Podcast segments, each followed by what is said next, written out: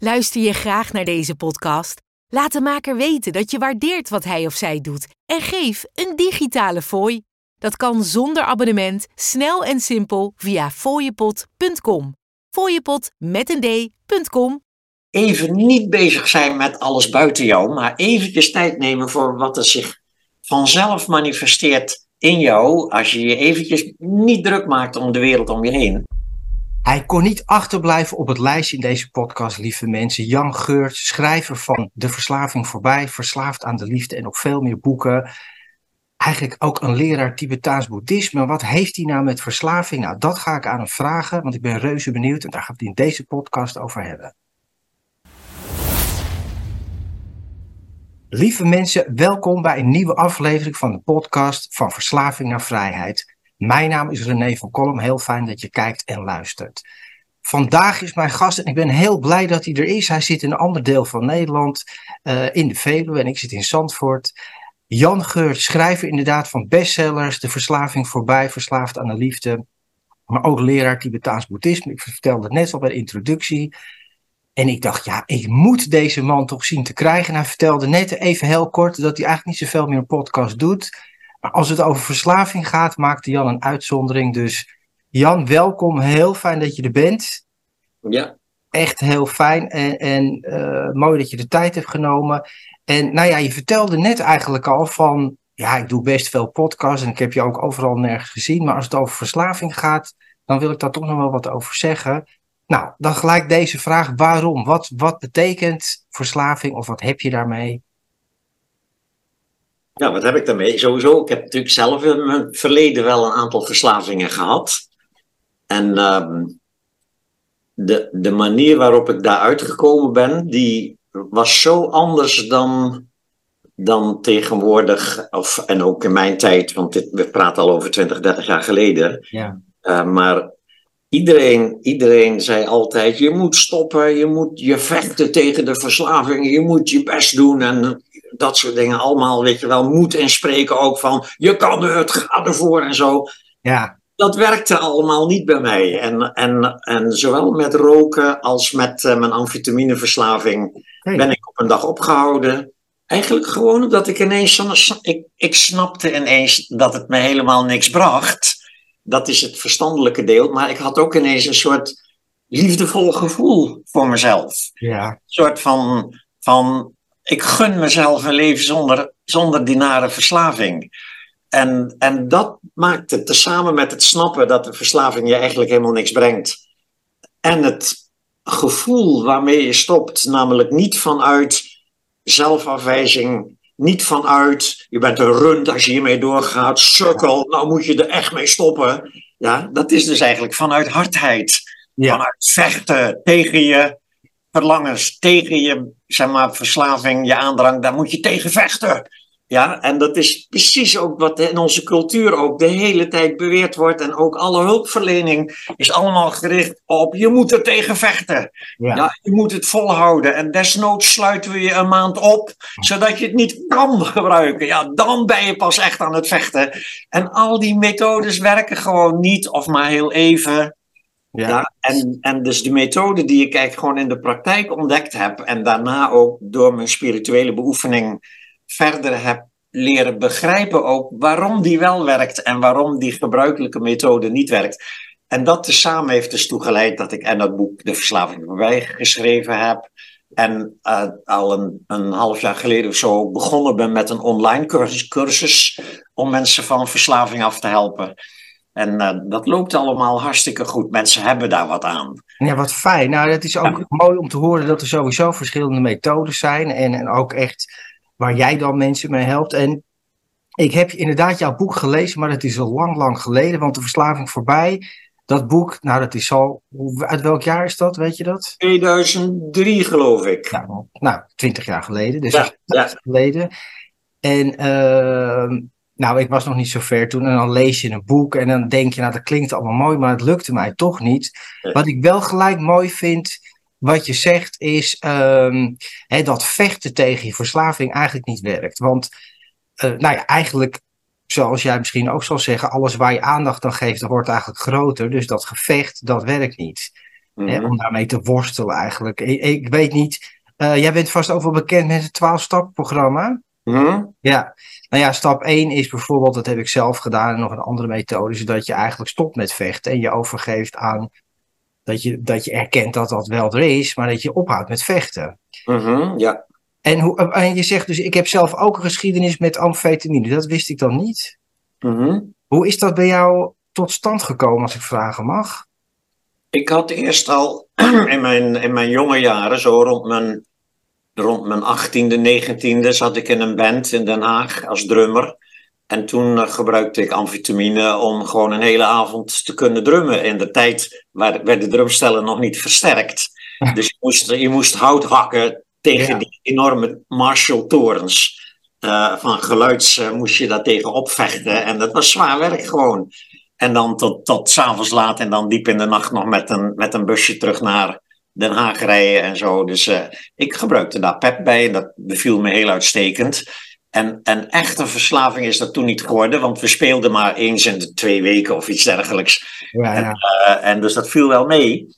En daarna is het ook weer helemaal uit mijn leven verdwenen, totdat ik rond mijn 35ste of zo in een situatie was met een huwelijk wat niet goed liep. In korte tijd had ik vier kinderen gekregen. Ik had een oud huis gekocht wat ik zelf aan het verbouwen was. Ik had vier baantjes in het onderwijs. Beetje En deed een avondstudie, pedagogiek erbij.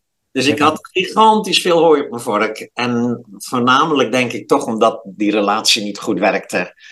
En ik eigenlijk ook mijn kinderen niet goed aankon. En toen kwam ineens die amfetamine weer om de hoek als een soort hulpmiddel om dit allemaal aan te kunnen. Al die, al die moeilijke dingen die ik allemaal tegelijkertijd, al die ballen die ik in de lucht probeerde te houden.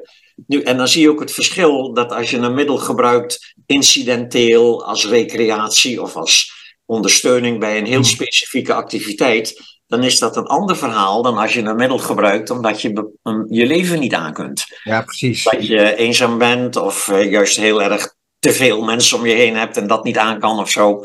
En dan zie je dat zodra een middel gebruikt wordt als een oplossing voor een emotioneel probleem, Hmm. dan word je razendsnel word je afhankelijk van dat middel. En dan kom je in die visieuze cirkel van dat je het middel nodig hebt om je even goed te voelen, terwijl het middel jou eh, telkens naarder, telkens dieper de put inbrengt. En je dus het middel harder nodig hebt om je eventjes goed te voelen en het telkens naarder worden van je leven door datzelfde middel. Ja, dus het is een, een heel merkwaardig een soort mechanisme verslaving. Eh, je denkt dat het middel jou iets brengt, maar het brengt jou alleen maar korte pauzes in de ellende die door het middel worden veroorzaakt. Ja, dat is, dat is een, dat, die moeten we opschrijven. Dat is echt een mooie. Korte pauze Ja, tussen de ellende die het middel eigenlijk veroorzaakt en de verslaving. ja, Ja. ja. want je, je, je hebt een hekel aan jezelf omdat je alweer zit te smachten naar dat middel. En die, dat, dat, die zelfafwijzing, die voelt voor iedereen zo naar. En je wilt gewoon eventjes weer gewoon niet alsmaar hoeven na te denken over jezelf en over, je, over alle falen in je leven. En dus neem je even je middel om eventjes weer een soort van te kunnen chillen. Ja. Dat is het. Je wil je even niet verslaafd voelen. En Ja. daarom gebruik je telkens het middel. Dus het is niet een piek in je leven. Het is een, een soort onderbreking van een, een steeds dieper wordend dal Ja. waar je terechtkomt. En dat, je hoeft maar te kijken van de buitenkant. Je ziet het soms bij die echte, zeg maar, de zware heroïne-junks. Daar kan je gewoon al van 100 meter afstand al zien. Wat een ellendig leven heeft hij gekregen. Door dat middel. Maar dus is dat middel hard nodig om je telkens eventjes nog gelukkig te kunnen voelen. Precies. Ja. In het nare leven. Hè? En, maar dat geldt dus voor alle verslavingen. Mhm. Het zijn, het zijn pauzetjes in, een, in iets naars. Het is naar om verslaafd te zijn. Dus al die, al die adviezen die zeggen van nou moet je ermee ophouden, hè, dat, die suggereren allemaal dat verslaving eigenlijk wel lekker is, maar het is zo ongezond en, en je krijgt er zoveel andere problemen door. En nou moet je met dat lekkere ophouden omdat je eraan doodgaat, of omdat je relatie erdoor stuk loopt, of omdat je omgeving zich zorgen begint te maken of zo. Dus we praten mensen aan dat het slecht is om verslaafd te zijn. Ja? En, Ja. en, dat, en dat versterkt al die houding, die dus ook in de hulpverlening vaak overheerst, van je moet ermee ophouden. Nu, het eerste wat ik tegen mensen zeg als ze bij mij in die cursussen komen, is je mag verslaafd zijn. Dus gewoon, doe dat dan maar gewoon even. Leer even af om jezelf af te wijzen over het verslaafd zijn. Feitelijk. Het mag, het mag, het mag. Iedere keer weer opnieuw moet je dat zeggen. En echt de eerste lessen die ik mensen geef is iedere keer opnieuw. Het mag, het mag, het mag. En dan kom je pas bij, het is alleen niet leuk. Het is Mhm. hartstikke naar om verslaafd te zijn. Het is afschuwelijk om verslaafd te zijn. Snap je wat ik bedoel? Ik, En- ik snap het heel goed. Nou ja, wat je eigenlijk ook zegt en wat ik zelf ook herken, dat de, de zelfafwijzing door de verslaving ook in stand wordt gehouden. Want Ja. je hebt het weer gedaan en dan voel je weer een klootzak en dan ben Ja, niet druk ja, precies. en dan ga je het weer doen en zo blijf je op gang. Ja, dat is duidelijk. Ja. Dus jij zegt eigenlijk als mensen bij jou komen van, nou blijf er gewoon maar even mee doorgaan. En, Ja, heel vaak adviseer ik mensen, een maand lang mag je niet meer stoppen. Want soms zitten mensen ook nog in een soort constante herhaling van stoppogingen die dan na één of twee dagen alweer mislukken. Ja. En dan zeg ik, nee, nee, nee, hou op met stoppen. Want dit is stoppen op de verkeerde manier. ja, precies. En je kan het ook heel symbolisch, je hebt eigenlijk een, versla- een verslaving is een vicieuze cirkel tussen twee dingen. Mhm. ene is zelfafwijzing en het andere is het middel dat jou telkens eventjes moet bevrijden van je zelfafwijzing. Nu, wat zeggen de hulpverleners? Die zeggen, je moet stoppen met het middel. Ja, Wat blijft er over? Zelfafwijzing. Ja? En iedere keer als je dan gestopt bent en je verlangt naar het middel, wijs je jezelf af. Wat ben ik toch een rund dat ik er nog steeds naar verlang? Nou, dat, dat hou je niet lang vol. Dat vechten tegen, ja, tegen de aandrang. Dus nogal wie dus dat je dan ook terugvalt. Dus bij mij is het soort van, nee, je moet niet stoppen met het gebruik. Je moet stoppen met de zelfafwijzing. Mhm. Ja, die ja. zelfafwijzing is totaal, totaal contraproductief. Ja. Je helpt er jezelf niet mee, je helpt er anderen niet mee. Zelfafwijzing en ook het afwijzen van iemand die verslaafd is, maakt hem verslaafder. Ja, uiteraard. Ja.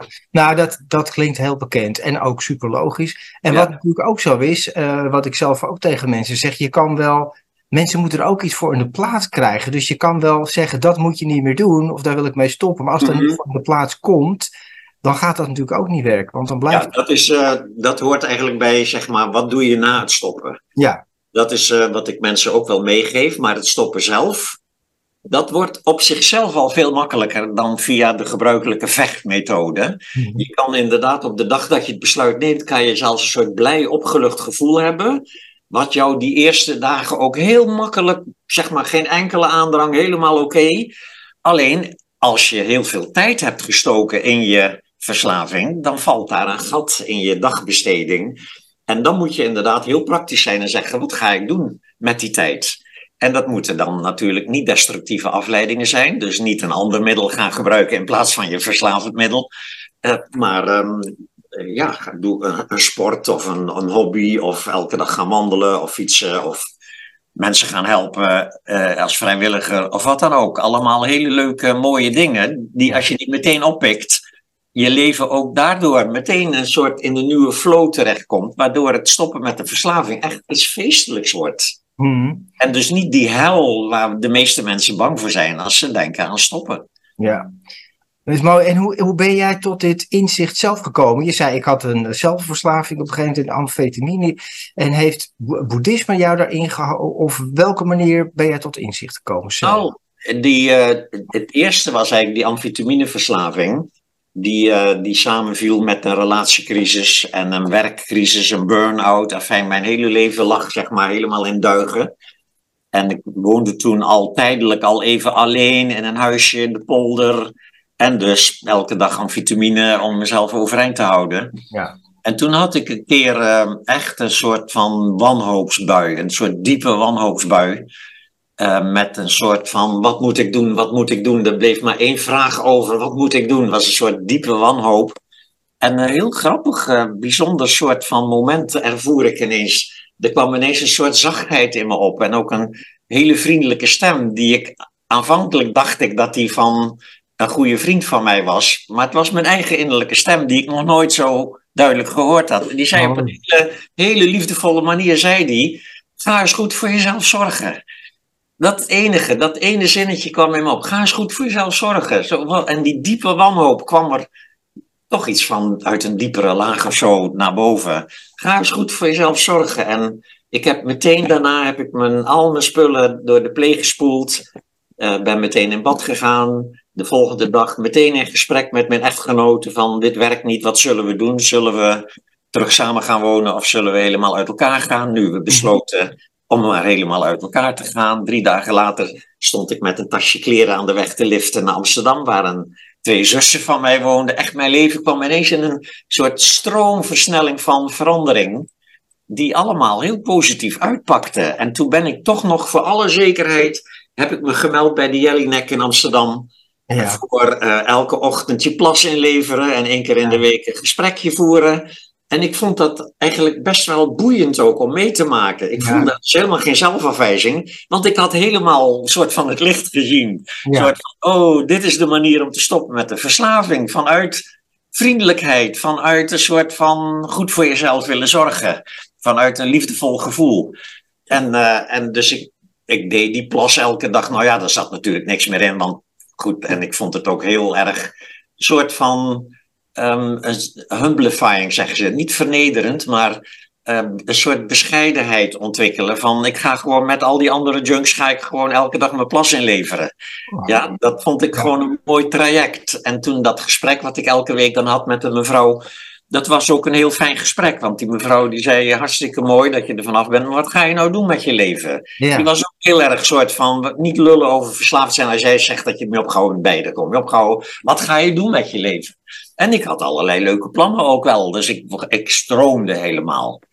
Dus dat was nog voor mijn spirituele periode. En eh, daarna kwam ik dus ehm, in een soort trainingscircuit. Dat was nog niet spirituele training, maar dat waren zeg maar de, de persoonlijkheidsontwikkelingstrainingen. Ja. De ego- de ego-trainingen noem ik ze wel. Gewoon werken aan een beter functionerend ego. En in die periode kreeg ik ook al steeds meer een soort goed gevoel over mezelf. Als je dan in zo'n training allerlei moeilijke dingen gedaan hebt en je hebt het toch gedaan waar je bang voor was. En dan heb je een soort blij gevoel. En op een van die momenten besefte ik ineens dat het roken mij niks bracht. Ik had een heel goed gevoel. Toen ging ik in de pauze buiten staan roken. En ineens besefte ik na die sigaret, hmm, ik voelde me heel erg goed. Toen ging ik een sigaret roken en toen voelde ik me iets minder goed. Wat is dit? Weet je, en ineens zag ik het. Een soort verhelder moment van, Ja. van nee, ik, het brengt me niks. En toen heb ik, eh, ben ik daar ook mee opgehouden zonder enige moeite. Ja, maar toch een. Een bewustzijn wat van binnenuit komt. Hè? Die liefdevolle stem die Ja. tegen jou zegt van ga eens goed voor jezelf zorgen. Ja. Ja, de weg van liefde en bewustzijn van binnenuit die jou dat gegeven heeft. Ja, ja. Maar daarna, veel- daarna kwam ik dan in aanraking met spiritualiteit. En toen heb ik ook die boeken geschreven. Eerst een boek over stoppen met roken. En daarna een boek over ver- verslaving. En enfin, daarna een boek over opvoeding en over relaties enzovoort. Dus dat, daar zit dan die spirituele visie ook wat meer in verwerkt. Maar hij zat dus eigenlijk ook al een beetje al precies. de praktijk zat hij er ook al in, hè? vanuit die inherente staat van liefde, die we allemaal bij ons hebben, maar die we niet herkennen, omdat we altijd denken dat liefde van buitenaf moet komen. Dat is eigenlijk het basisprincipe van zeg maar, het hele, hele samsara, hè? boeddhisten samsara noemen de, het lijden. Eh, door het geluk buiten je te zoeken in plaats van binnen je. Binnen, ja. Ja, en verslaving is daar een soort ultieme vorm van. eh, Ja, het, het geluk echt buiten je zoeken in de vorm van pilletjes of roken of wat dan ook. En dan kom je erachter dat dat dus een doodlopende weg is. Dus verslavingen zijn eigenlijk in zekere zin enorm behulpzaam ook in het proces van bewustwording. Maar pas als je er vanaf bent op de goede manier. Ja, nou ja, goed. En dat is natuurlijk. Ik vind het heel mooi wat je zegt, want ik herken het volledig. Het is zeker een doodlopende weg. En, eh, maar het lastige is dan vaak als je stopt, en dat ken ik zelf ook, dan val je toch in die, die kuil die je zelf gegra gegraven hebt. Wat je ook zegt, door, en ik heb daar 30 jaar in gezeten en dan steeds stoppen en weer beginnen. Maar goed, die doodlopende straat die was wel heel lang om weer terug te lopen de goede kant op.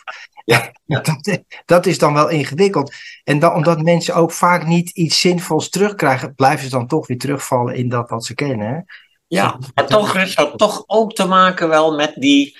Met toch dat, het, dat mensen toch ergens een beetje nog stoppen via het strijdmodel. Hmm. En dan moet je inderdaad een hele lange weg gaan voordat dat uit je systeem uitgesleten is.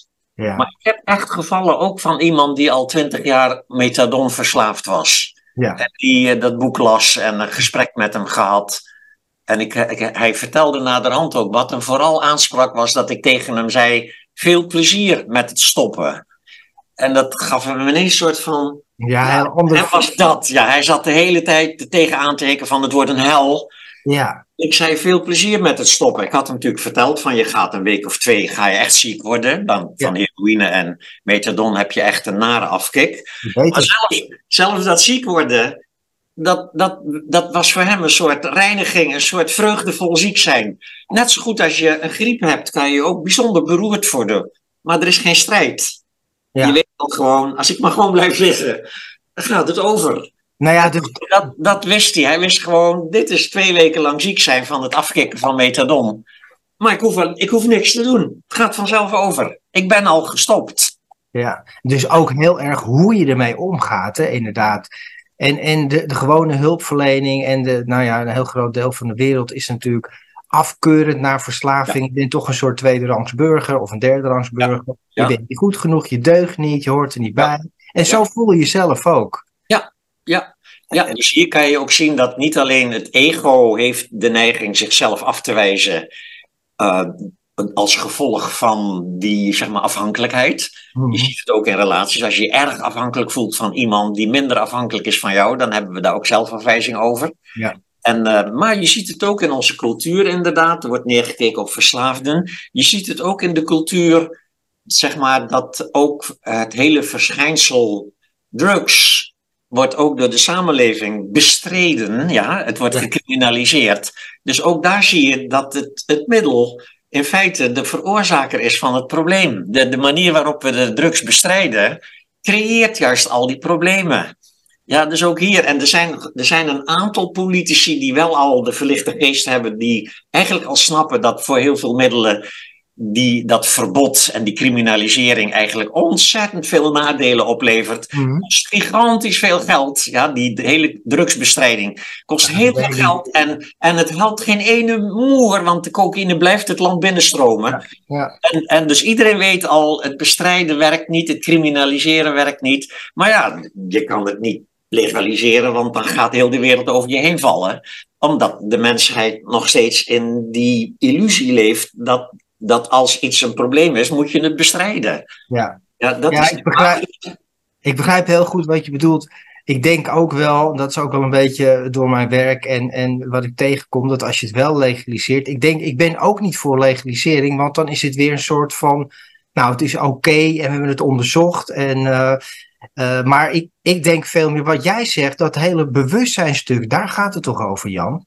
Mm -hmm. Over ja. zijn en wat we eigenlijk nodig hebben. Want of je het nou wel legaliseert of niet legaliseert, maar het gaat ons niet brengen wat we eigenlijk zoeken. Nee, nee, nee, natuurlijk. Nee, dat legaliseren is alleen maar een middel om al dat geld wat nu aan criminaliteitsbestrijding besteed wordt, dat kun je besteden aan hulpverlening aan mensen die verslaafd raken. Ja. Ja. dat is gewoon heel duidelijk. En natuurlijk, legaliseren betekent niet van gooi alles maar gewoon op straat en iedereen pakt maar wat hij kan pakken. Daar moeten natuurlijk bepaalde voorwaarden aan verbonden worden. En, en dan heb je ook nog het probleem van als je dat in Nederland doet, dan krijg je een enorme aanzuiging vanuit het buitenland. Dus hoe dat allemaal moet regelen, het is allemaal heel praktisch. Maar het principe zou eerst eens erkend moeten worden. Het principe dat criminalisering, dat dat averechts werkt. En dat we een soort geleidelijke weg moeten zien te vinden. Natuurlijk, alcohol is dan een legale drugs. Een van de meest verslavende en ongezonde drugs overigens. Ja. Als je het vergelijkt met cocaïne, met MDMA en dat soort dingen. Alcohol is veel erger, roken ook veel erger. Dat zijn de twee legale middelen die veel meer schade aanbrengen. Dus, dus het legaliseren, daarvan kan je zien dat het op zich niet het probleem oplost, het verslavingsprobleem oplost, maar dat het wel het maatschappelijke probleem van criminaliteit oplost. Hm. Dus dat is even die afdeling. En ja, dan, dat begrijp ik. Hoe helpen we dan verslaafde mensen die om welke reden dan ook verslaafd raken? En, en echt, de criminalisering houdt mensen totaal niet tegen, want het is op elke hoek van de straat is elk middel te krijgen, zonder enig probleem en zonder enig risico dat je gepakt wordt ook. Dus het is een raar soort schimmerspel met zeg maar de drugsbaronnen Ja, dat, en de dat- onderwereld. En, uh, ja, dus dat ben ik helemaal met je eens. ja, Wa- Want het is tegenwoordig zo dat het is makkelijker verkrijgbaar dan ooit, zeker voor jongeren. Ik bedoel, ze kunnen alles overal bestellen via mobiele telefoon. ja, ja. dus, dus dat, nee, maar dat, dat is eigenlijk al vanaf de jaren tachtig, de war on drugs vanuit Amerika. Daar zijn miljarden ingestopt uh, zonder enig effect eigenlijk. Allemaal weggegooid geld en, en, en erger nog, het creëert nog een hoop extra schade ook. Want die onderwereld die houdt zich niet aan milieuregels en dat soort dingen. Dus het is een en al ellende.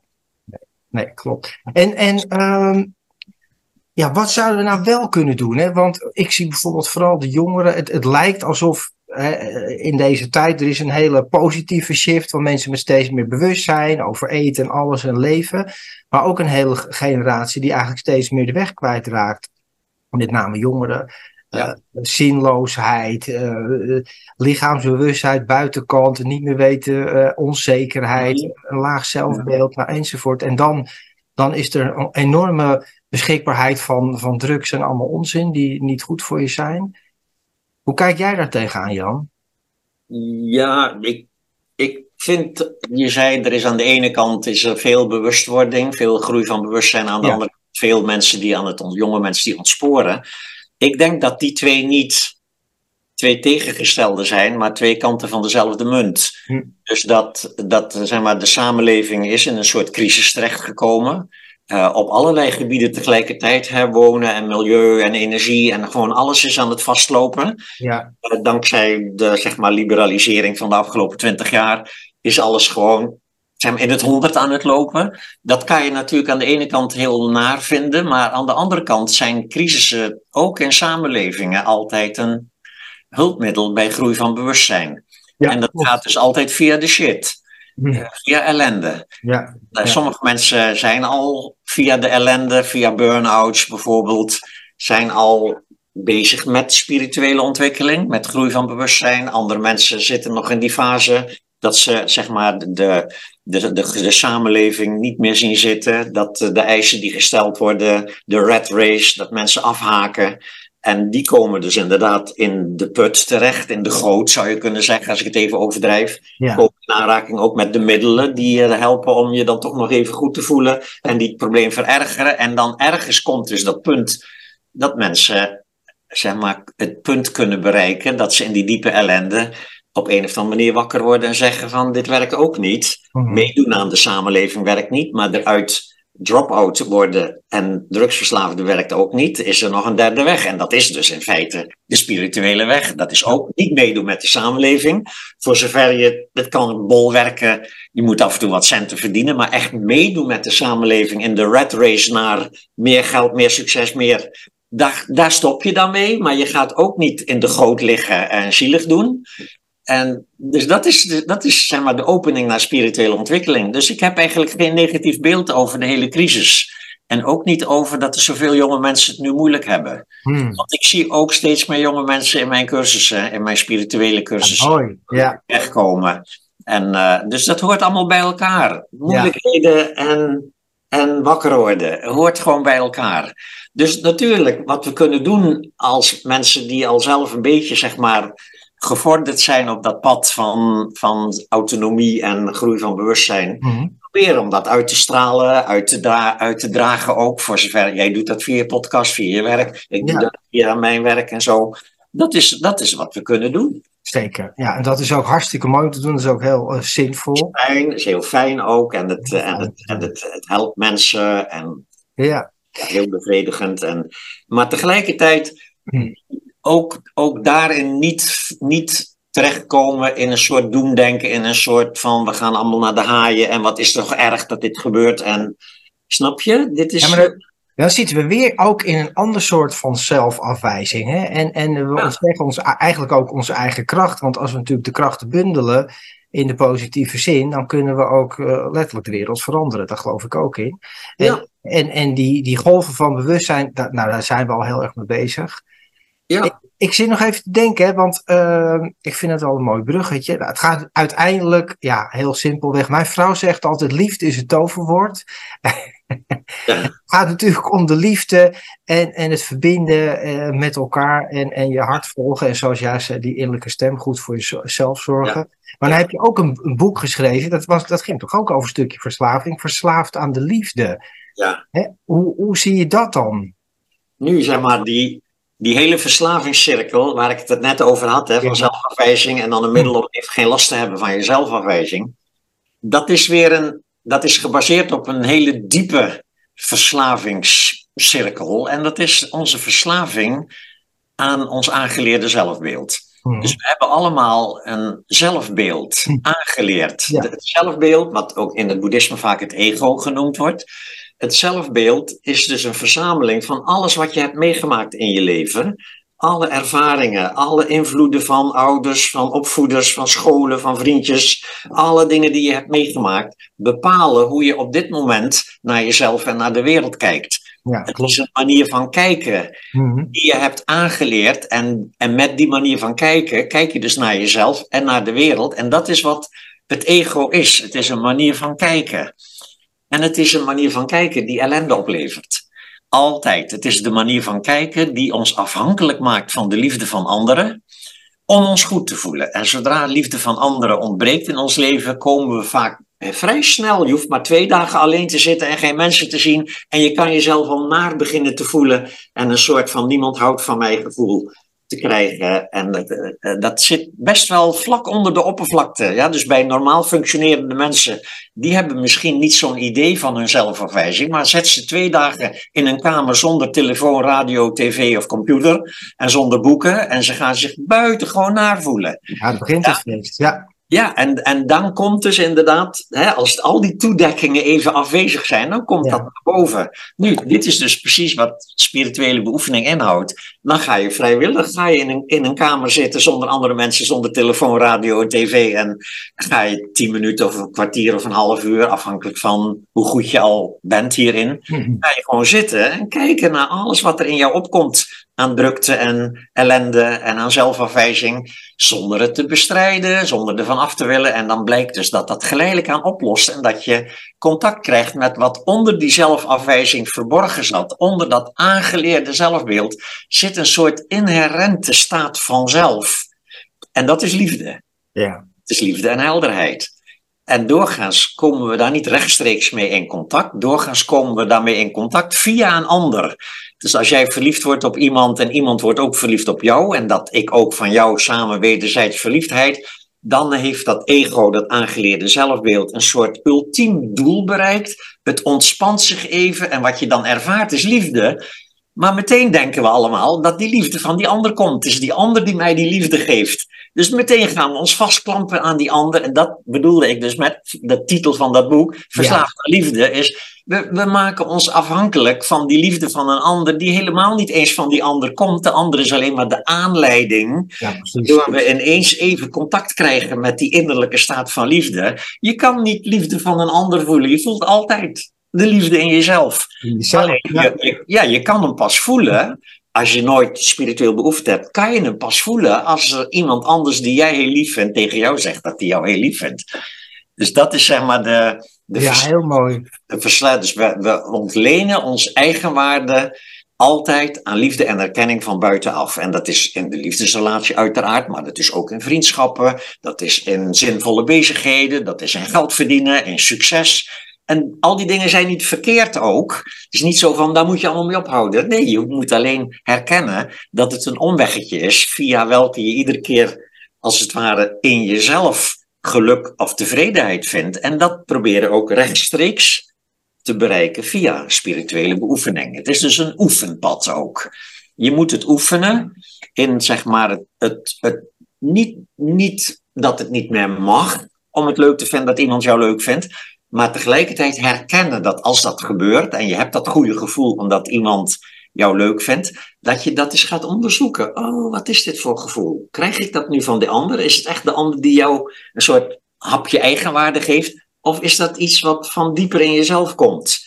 En wat eventjes als het ware voelbaar is, omdat die laag van die zelfafwijzing eventjes zich ontspant. En dan kom je erachter dat dus eigenlijk alles al goed is. Ja, en dat het allemaal van binnen al zit. Want al, Ja. wat je zegt, alles wat je ervaart zit natuurlijk al van binnen en wordt door de ander eigenlijk naar boven gebracht. Ja, precies. En dat geldt ook voor de narigheid. Dus iemand anders zegt iets lulligs en jij Mm. voelt je vreselijk gekwetst en dan ga je terugkwetsen. Ja, en dat is hoe de ellende in de wereld blijft. Altijd denken dat het van buiten afkomt. Ja. Dat het geluk van buitenaf komt, dat het lijden van buitenaf komt. Dus ja, de hele spirituele pad gaat over dat je je lijden als het ware beschouwt als iets wat zich in je eigen geest afspeelt. De ander is alleen maar de trigger.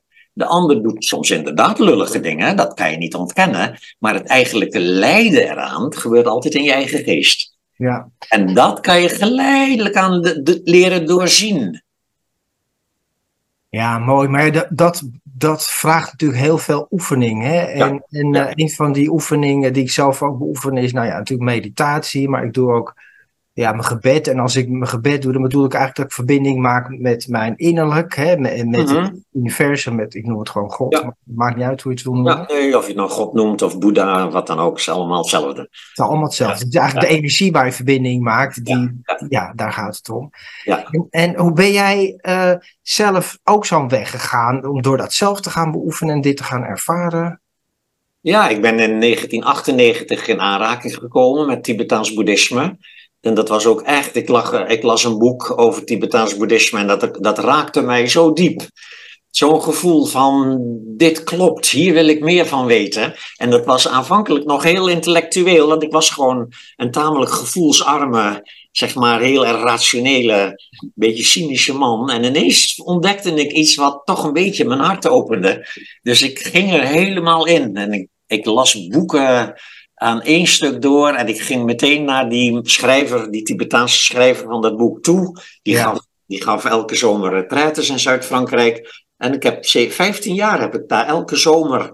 De eerste keer twee weken en dan de tweede keer ging ik er een maand heen. En op een gegeven moment zat ik er zelfs, nou meer dan een half jaar zat ik elke zomer in Zuid-Frankrijk bij die leraar. Ja, mooi. En daar heb ik ontzettend veel van geleerd. Want ja, hij had zoveel kennis en ook zoveel realisatie van die methode waarbij je dus rechtstreeks contact maakt met die inherente staat van helderheid en liefde. Mhm. En da- daar heb ik ontzettend veel van geleerd. Ja, wa- wat is, ja, ik weet niet of je dat kan benoemen hoor, maar wat is nou de grootste les die je daar hebt geleerd? Ik weet of niet of je dat zo in één zin kan benoemen. Uh, de grootste les die echt is de les van de Boeddha en van, ook van Advaita, van alle spirituele tradities. De grootste les is, alle narigheid komt door een verkeerde manier van kijken. Hm. Een verkeerde, een onjuiste perceptie. Dus wij zijn eigenlijk, we zijn echt altijd als er iets misgaat in ons leven, altijd als er iets onprettigs gebeurt, zijn we ervan overtuigd dat dat buiten onszelf daar, dat dat de onprettigheid is. Dus, dus de onprettigheid zit hem altijd in waar we naar kijken. Ja, Het is precies. de partner die het creëert, het is de woonsituatie die ons, weet je wel. En ik zal niet zeggen dat dat vaak ook hele ongemakkelijke omstandigheden zijn waar we in terechtkomen. Maar het is de manier van kijken naar die omstandigheden die het eigenlijke lijden veroorzaakt. En we, omdat we geloven dat het de omstandigheden zijn die het lijden veroorzaken, maken we onszelf ook meteen machteloos. Want omstandigheden kan je heel vaak niet veranderen. Maar op het moment dat je die boodschap van alle boeddha's en alle tradities, alle spirituele tradities zeggen: nee, het lijden zit hem niet in de dingen waar je naar kijkt, het zit hem in de manier van kijken. Een andere manier van kijken, en dat is een manier van kijken die vrij is van identificatie. En eh, ja, nu wordt het een beetje technisch, dus dat is ook waarom je ook best wel wat moet studeren, ook om het eerst een beetje te snappen hm, waarom, waarom het gewoon nuttig is om elke dag een paar keer te gaan zitten, zonder telefoon, radio, tv en gewoon maar even te zitten en, en gewoon maar jezelf te vervelen en daar niks tegen te doen. En, en te zijn met wat er is. En dan geleidelijk aan bloeit dat op, dat, dat heldere, liefdevolle, wat zich altijd al in jou bevond. En wat alleen maar als het ware ruimte nodig had om zich te manifesteren. Gewoon even niet bezig zijn met alles buiten jou, maar eventjes tijd nemen voor wat er zich vanzelf manifesteert in jou. Als je je eventjes niet druk maakt om de wereld om je heen. En dan geleidelijk aan is het ja, een soort van, er komt dan iets tot bloei ja. in de jaren dat je dat beoefent. Ik vind dat wel mooi wat je zegt. Ik vertaal het een beetje als van. Dus die meditatie is ook nodig om gewoon eigenlijk afstand te nemen van de oneindige reeks van prikkels, gedachten en identificatie met alles wat je beleeft en ziet. En anders kom je natuurlijk helemaal daar nooit los van. Nee, anders kom je daar nooit los van. Het is zo druk in onze hoofden. Eh, De wereld is druk, maar de, de eigenlijke drukte zit hem in ons hoofd. De hele godganselijke dag zijn we aan het denken over dingen buiten ons. Ja. En natuurlijk ook vaak over jezelf als je in problemen zit en zelfafwijzing en dan denk je allerlei nare dingen. En ook daarbij geloven we dat het echt waar is wat we denken. Dus ook daar, we kijken naar onszelf en, en dan vinden we onszelf inderdaad mislukt of stom of slap of slecht. En denk dat het echt zo is. Terwijl het ook dat is de manier van kijken, de oordelende, de veroordelende manier van kijken die het lijden creëert. Ja, nou ja, dat is alweer terug bij het beginpunt. Dat is natuurlijk met verslaving ook zo. Verslaving. Toen ik begon, ik, spiritualiteit is altijd mijn ding geweest, al heel lang zelfs. Toen ik nog in mijn verslaving zat, in betere periodes, besloeg ik de bakken van Gita open of ging allemaal boeken lezen. En vond het altijd al vanaf jongs af aan heel interessant. Maar ik kon die, die brug niet maken van waar ik zat tot uh, ja, de vrijheid. Want voor mij is, zoals ik het voel, verslaving is dus eigenlijk gevangen zitten en spiritualiteit biedt dan vrijheid. Hè? Het is eigenlijk precies het tegenovergestelde. Ja. Hè? Dus daarom geloof ik ook dat, en hoe je dat ook invult, want niet iedereen is natuurlijk, eh, ja, geschikt uiteindelijk wel, maar niet iedereen voelt zich aangeroepen tot. Ja, nee, dat klopt. Eh, of, of, mediteren. Maar je zal toch een spirituele weg. En, mensen hebben allemaal ideeën over wat spiritualiteit is. Maar een manier vinden om daar toch los van te komen. Van de ideeën, de gevoelens die je over jezelf hebt. Het hele programma ja. wat je hebt meegenomen. En de zelfafwijzing. Dat, als ik nou één ding hoor bij al die mensen die ik spreek. Hè, met, met een verslaving is het toch van. Uh, onzeker, ik voel me niet gehoord, ik voel me niet gezien, mensen waren er niet voor me. Ja. Uh, die liefde, maar ook dat mensen er voor zichzelf niet kunnen zijn, ook niet weten hoe dat moet. Dat is ook iets wat we natuurlijk niet leren. Je leert ja, niet. Je leren, ja. Ik, heb, ik merk wel, uh, als ik die cursussen geef aan verslaafden, hm. ik, ik, uh, ik val ze eigenlijk niet zo heel erg veel lastig met spiritualiteit. Uh, ik, vind ook, ik ben zelf ook gestopt met verslavingen op de goede manier, nog voordat ik met spiritualiteit bezig was. Het, het, het is als het ware je hoeft alleen maar mensen te laten zien dat de zelfafwijzing niet, dat niet, het, niet het gevolg is van verslaafd zijn, maar de oorzaak ervan is. En daarvoor moet je ze wel een tijdje, moet je ze als het ware een beetje moeten inspreken in de zin van er is niks mis met je. Ik bedoel, iedereen is verslaafd. Ook als je niet verslaafd aan middelen bent, dan ben je verslaafd aan ja, liefde en erkenning van buitenaf. Wat dan ook, ja. Hè, dus wat dan ook. Dus, dus sowieso, er is niks mis met je. En verslaving is een hele normale psychologische valkuil, waar sommige mensen wel, sommige mensen niet in terechtkomen. Maar dat hangt helemaal samen met wat je in je jeugd hebt meegemaakt. Had je drinkende ouders, dan is de kans groter dat je ook gaat drinken, dat soort dingen. Dus het, het zegt niks over jou. En ik zeg ook altijd, je bent niet verslaafd, je hebt een verslaving. Ja, ja? Wat je bent is totaal vrij en totaal liefdevol. Alleen, daar heb je geen contact mee, omdat je zo gelooft dat je verslaafd bent. Ja. Dus dat is ook een van die dingetjes waar ik dan een beetje bezwaar tegen heb, tegen die twaalf stappenplan. Dat mensen altijd moeten zeggen, mijn naam is Jan en ik ben verslaafd, ook als ze er al een jaar van af zijn. Je houdt in feite je verslavingsidentiteit een beetje in stand. Ja, en, en, dat is het nadeel. Naast de voordelen ook, die in het 12-stappenplan zeker ook zitten. Zoals echt heel mooi dat mensen elkaar supporten ook. En ja, dat is gigantisch. Proberen los te komen. Dat is, hè, dus er zitten mooie dingen in. En er zitten een aantal soort kleine nadeeltjes in. Dat vind ik een soort van jammer dan. Had dat nou ook nog even losgelaten. Nou, daar is wel een. Mijn naam is Jan en ik ben niet verslaafd. ja? Ik heb een verslaving. Of nou, ik, ik had een verslaving. Nou, dat, daar, ben ik, daar ben ik helemaal met je eens. En die, dat, die, die beweging is wel bezig, hè, want je bent niet je verslaving, je hebt een verslaving. Uh, wat ik wel, ik heb daar zelf ook vaak over nagedacht. Wat wel zo is, is dat natuurlijk mensen, dat is ook weer het andere stukje. Mensen met een verslaving willen dat vaak niet erkennen. Hè? Het ontkennen. Het valt wel mee. Het is niet zo. En om te veranderen, tenminste, dat is mijn uh, ja, ervaring en ook realisatie en, en proces dat je wel naar jezelf moet leren kijken. Dus ook naar dat stuk. Alleen dan zonder die zelfafwijzing. Da daar ja. ik jou dan in. Ja. Dus maar kijken, maar op een andere manier. Dus het wel erkennen, niet ontkennen. Ja, maar het grappige is dat, dat dat kun je geloof ik heel moeilijk versnellen bij mensen. Ja, uh, ik, heb, ik, heb, ik heb vaak mensen wel gehad ook. Toen in het verleden heb ik ook mensen van het rook afgeholpen. En nu weer met die online cursus die ik geef voor verslaafden. En als mensen dat zeggen, want het valt eigenlijk ook nog wel mee, dan zeg ik, dan moet je ook nog niet stoppen. Dan heb je nog niet genoeg ellende. verzameld. Want je, moet. Ja. je moet voldoende ellende hebben verzameld voordat het tot je doordringt. Ja. Dat je er niks aan hebt. Ja. En dat je middel alleen maar een korte pauze is in de toenemende ellende van het verslaafd zijn. Ja. Dus, dus dat is ook weer van, blijf dan verslaafd. Gewoon, en ik, ik heb het vaak meegemaakt ook dat iemand in mijn cursus zei van, oh wat voelt dit ontzettend goed, dat, het mag dus eindelijk. Dus het mag nu, het mag dus echt. En toen, en vervolgens ging die helemaal los. Dat was een mens, iemand met een alcoholprobleem. Hij heeft zich helemaal in een coma gezopen. Kwam in het ziekenhuis terecht. Heeft een week in een ziekenhuis gelegen. Kwam eruit en mailde mij toen: Jan, ik heb het helemaal gezien nu. En, en nou ja, natuurlijk, sommige mensen zullen zeggen: wat een gevaarlijke methode, want die zou ook dood kunnen gaan. Maar voor spirituele mensen, voor boeddhisten, is doodgaan ook niet het einde Mhm. dan oké, dan was het kennelijk in dit leven niet het moment om dit op te lossen voor jou. Dat komt dan wel een volgende keer. Het is echt waar, het is een, een soort grondwet. Dat strijden tegen verslaving werkt gewoon niet. Hm. En, en het meest beklagenswaardig zijn die mensen die dan wel erin slagen om het verslavingsgedrag te onderdrukken. En heel hun leven lang het gevoel blijven houden dat ze iets niet mogen wat ze eigenlijk graag zouden willen. Maar ze durven het niet meer om hun partner niet kwijt te raken. Of wat dan ook voor reden, of voor de gezondheid of zo.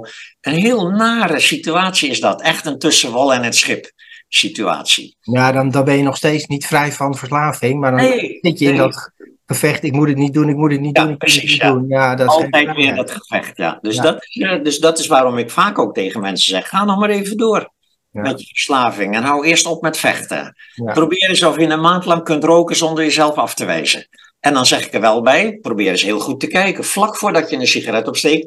Welk gevoel probeer Mhm. je kwijt te raken? En dan tijdens het sigaret opsteken, wat voel je dan? Wat voor ontspanning is dat? En dan meteen daarna, wat voel je dan? En bij al die stadia niet oordelen. Wat je ook voelt, je mag het voelen. Het hoort bij de verslaving. Je bent je verslaving aan het onderzoeken. Ja, precies. Ja? Dat is vaak de manier waarop je tot dat punt komt dat je ineens doorhebt van. Ineens snap je het gewoon. Het brengt me niks. Het is niet leuk. Juist als het mag, kun je contact maken met. Het is gewoon niet leuk. Het mag wel, maar het is niet leuk. Ja, ik begrijp zoiets als van met, je, met een hamer op je eigen tenen slaan. Ja, dat is gewoon niet leuk. Waarom zou je dat doen? Waarom zou je jezelf beschadigen? Als je eenmaal doorhebt dat het je niks brengt. Ja. Nou ja, maar goed, dat, dat, dat, is, dat is gewoon een proces. En wat jij zegt is gewoon zo. Als je niet er klaar mee bent en er klaar voor bent, ja, dan, dan kan je elke cursus en elke kliniek ingaan. Maar dan gaat het gewoon niet werken. Het heeft toch Ja, met, ja, met echt met bewustzijn te maken. Ja, En ik ja. vind het ook mooi wat je zegt, hè, als je. En dit is geen reclame om dingen te gaan doen, mensen. Ik zeg het er nou even bij. Maar als je iets doet, ja, wees nou eens bewust wat je doet. En wat jij zegt van hoe je ervoor voelt en hoe je erna voelt en wat het dan met je doet. Om Ja. het gewoon dus eigenlijk van een afstand te gaan bestuderen. En hoe ziet mijn leven eruit? Wat ben ik eigenlijk aan het doen? hè? Gewoon afstand en kijken. Ja. Ja. In plaats van alleen maar het mag niet en, en eh, ik moet het niet doen, maar ik ga er toch mee door. En dat, he- dat heeft helemaal geen zin. Ja. Ja. Ja, nee, dat is het, ja. Ja, dus en nou, jij geeft eh, eh, dus cursussen. Mensen kunnen bij jou ook een online eh, cursus volgen om hun. eh, Ja, dus de online cursus is, eh, staat in zijn geheel op video. Dus mensen kunnen dat in hun eigen tempo kunnen ze die video's gewoon bekijken en eventueel het lesmateriaal bekijken. En dan geef ik één keer in de maand, geef ik eh, via Zoom, geef ik dan een live een vraag- en antwoord sessie. Dus dat is eigenlijk gewoon, dan, daar zitten meestal 20, 30 mensen of zo. En Ja. dan, die wil er iets vertellen. En dan, en dan zie je dat soms mensen voor het eerst durven te vertellen over een verslaving. En dan zie je vaak dat dat al voldoende is Ja. om uit die zelfafwijzing te komen. En dat ze ineens zich heel gezien en gehoord voelen. En dat ze ineens in die sfeer van er wordt niet geoordeeld. Ik, van mij krijgen ze geen oordeel, van mede-cursisten uiteraard ook niet, want die zitten allemaal in hetzelfde schuitje. ja. En dan zie je gewoon tijdens zo'n live sessie, mensen vertellen iets. Ik geef eventueel wat adviezen, gewoon hele praktische adviezen van wat ze dan het beste kunnen doen. En dan, eh, nou ja, het werkt gewoon. Natuurlijk niet voor iedereen. Sommige mensen blijven nog wat langer verslaafd, maar andere mensen stoppen er gewoon mee na, ja. na Ja. het zien en het doen van die cursus. Nou ja, goed, en dat, dat is overal. Dat is een proces. En elke, elke ziel heeft zijn eigen tijd en zijn eigen weg. Hè? Zo is het nou eenmaal. Ja. Ja. precies. Ja, zo is het ook. En die, dat schaamte, hè, de, de, de, dat is natuurlijk wel wat bij de twaalf stappen ook gebeurt. Dat delen in een kring, dat haalt die schaamte eraf. Want schaamte is natuurlijk ook weer zelfafwijzing. Ja, ja Dus- zeker. Ja. Ja, en nog één ding, wat ik, eh, ik heb, krijg natuurlijk ook vaak vragen van familieleden van verslaafde mensen. De, de, de vrouw van een alcoholist of de moeder van een zoon die, weet je wel, hash of andere middelen gebruikt. En dan zie je dat ook de familie en de geliefden van een verslaafde vaak reageren op manier die de verslaving verergert. Ze gaan inpraten op de verslaafde. Hou er nou toch mee op. Zie je niet hoe slecht het voor je is? Doe het dan voor de kinderen. Dat soort dingen, ja. En het, en het versterkt natuurlijk het schuldgevoel en de zelfafwijzing van de verslaafde. Hij gaat zich steeds meer afschermen ook, want hij wil al dat extra schuldgevoel er helemaal niet bij hebben. En ik adviseer dus altijd mensen, als ze dat hebben, van laat het los. Hou op met je verslaafde zoon of je verslaafde vriend of vriendin te redden. Ja. Het, het hoogste wat je kunt doen is eventueel iemand attenderen op er is een boek of er is een cursus. Als je eraan toe bent, is dat misschien iets voor jou. Tot die tijd ehm, wel meer afstand nemen. Dus niet proberen om samen te leven met een verslaafde, want dat is een hel. Eh, Dus vaak eh, partners adviseer ik altijd. Zeg tegen je verslaafde partner, lieverd, als je eenmaal bevrijd bent van je verslaving, dan hoop ik dat we weer bij elkaar komen. Maar tot die tijd ga ik bij je weg. Ja, ja. Dat is de allerhelderste, allerzuiverste, allerliefdevolste houding die je kunt aannemen ten opzichte van een verslaafde. Ja, heb je volwassen kinderen precies hetzelfde? Ja, komen ze bij jou omdat ze blut zijn vanwege een verslaving? Geef ze geen geld. Geef ze eventueel een brood mee.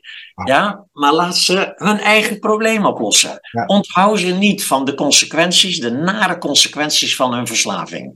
Ja. Die hebben ze nodig. Verslaafden hebben hun narigheid nodig om dat punt te bereiken dat ze ineens inzien dat het klaar is. Ja, ik ben zo blij dat je dit gezegd hebt, Jan. Want eh, ik werk als familiecounselor. Dus dat is mijn werk om niet zozeer de mensen met verslaving, maar de mensen eromheen eh, te helpen en te begeleiden. En ik zeg precies Ja. hetzelfde. Ja. En, en ja, het gaat echt om een, om een liefdevol loslaten en, en, eh, en liefdevolle grenzen stellen daarin. hè, Ja. Als je er klaar voor bent. Maar, maar mensen blijven trekken, duwen, redden, regelen, bellen en het werkt niet. En- Ja, en dat is Ja. natuurlijk omdat de, omdat de, de familie eigenlijk zelf ook een soort verslaving heeft. Precies. Namelijk, dat is die ego-verslaving. Ja, hun, hun eigenwaarde als ouder of als partner is ook gekelderd omdat hun man of hun zoon verslaafd is. En ze voelen zich mislukt en falen als ouder of als partner. En dan gaan ze vreselijk het, de oorzaak buiten zichzelf leggen. En moet diegene die dan verslaafd is, die moet daarmee ophouden. Zodat ik weer me goed kan voelen als ouder of als partner. Nu, dat werkt dus absoluut niet. Je zal je eigen problemen moeten oplossen. Dus ik zeg ook vaak tegen familieleden van een verslaafde: je bent zelf verslaafd aan het redden van je partner of van je zoon. Ja, Ja, en kijk daar eens goed naar. Ja. Ja, Waar, precies. zit, ja, waar zit jouw zelfafwijzing ja, over de verslaving van je partner of je zoon of je dochter? Ja, en mensen voelen zich ook enorm verantwoordelijk hè, voor, voor Ja. iemand anders.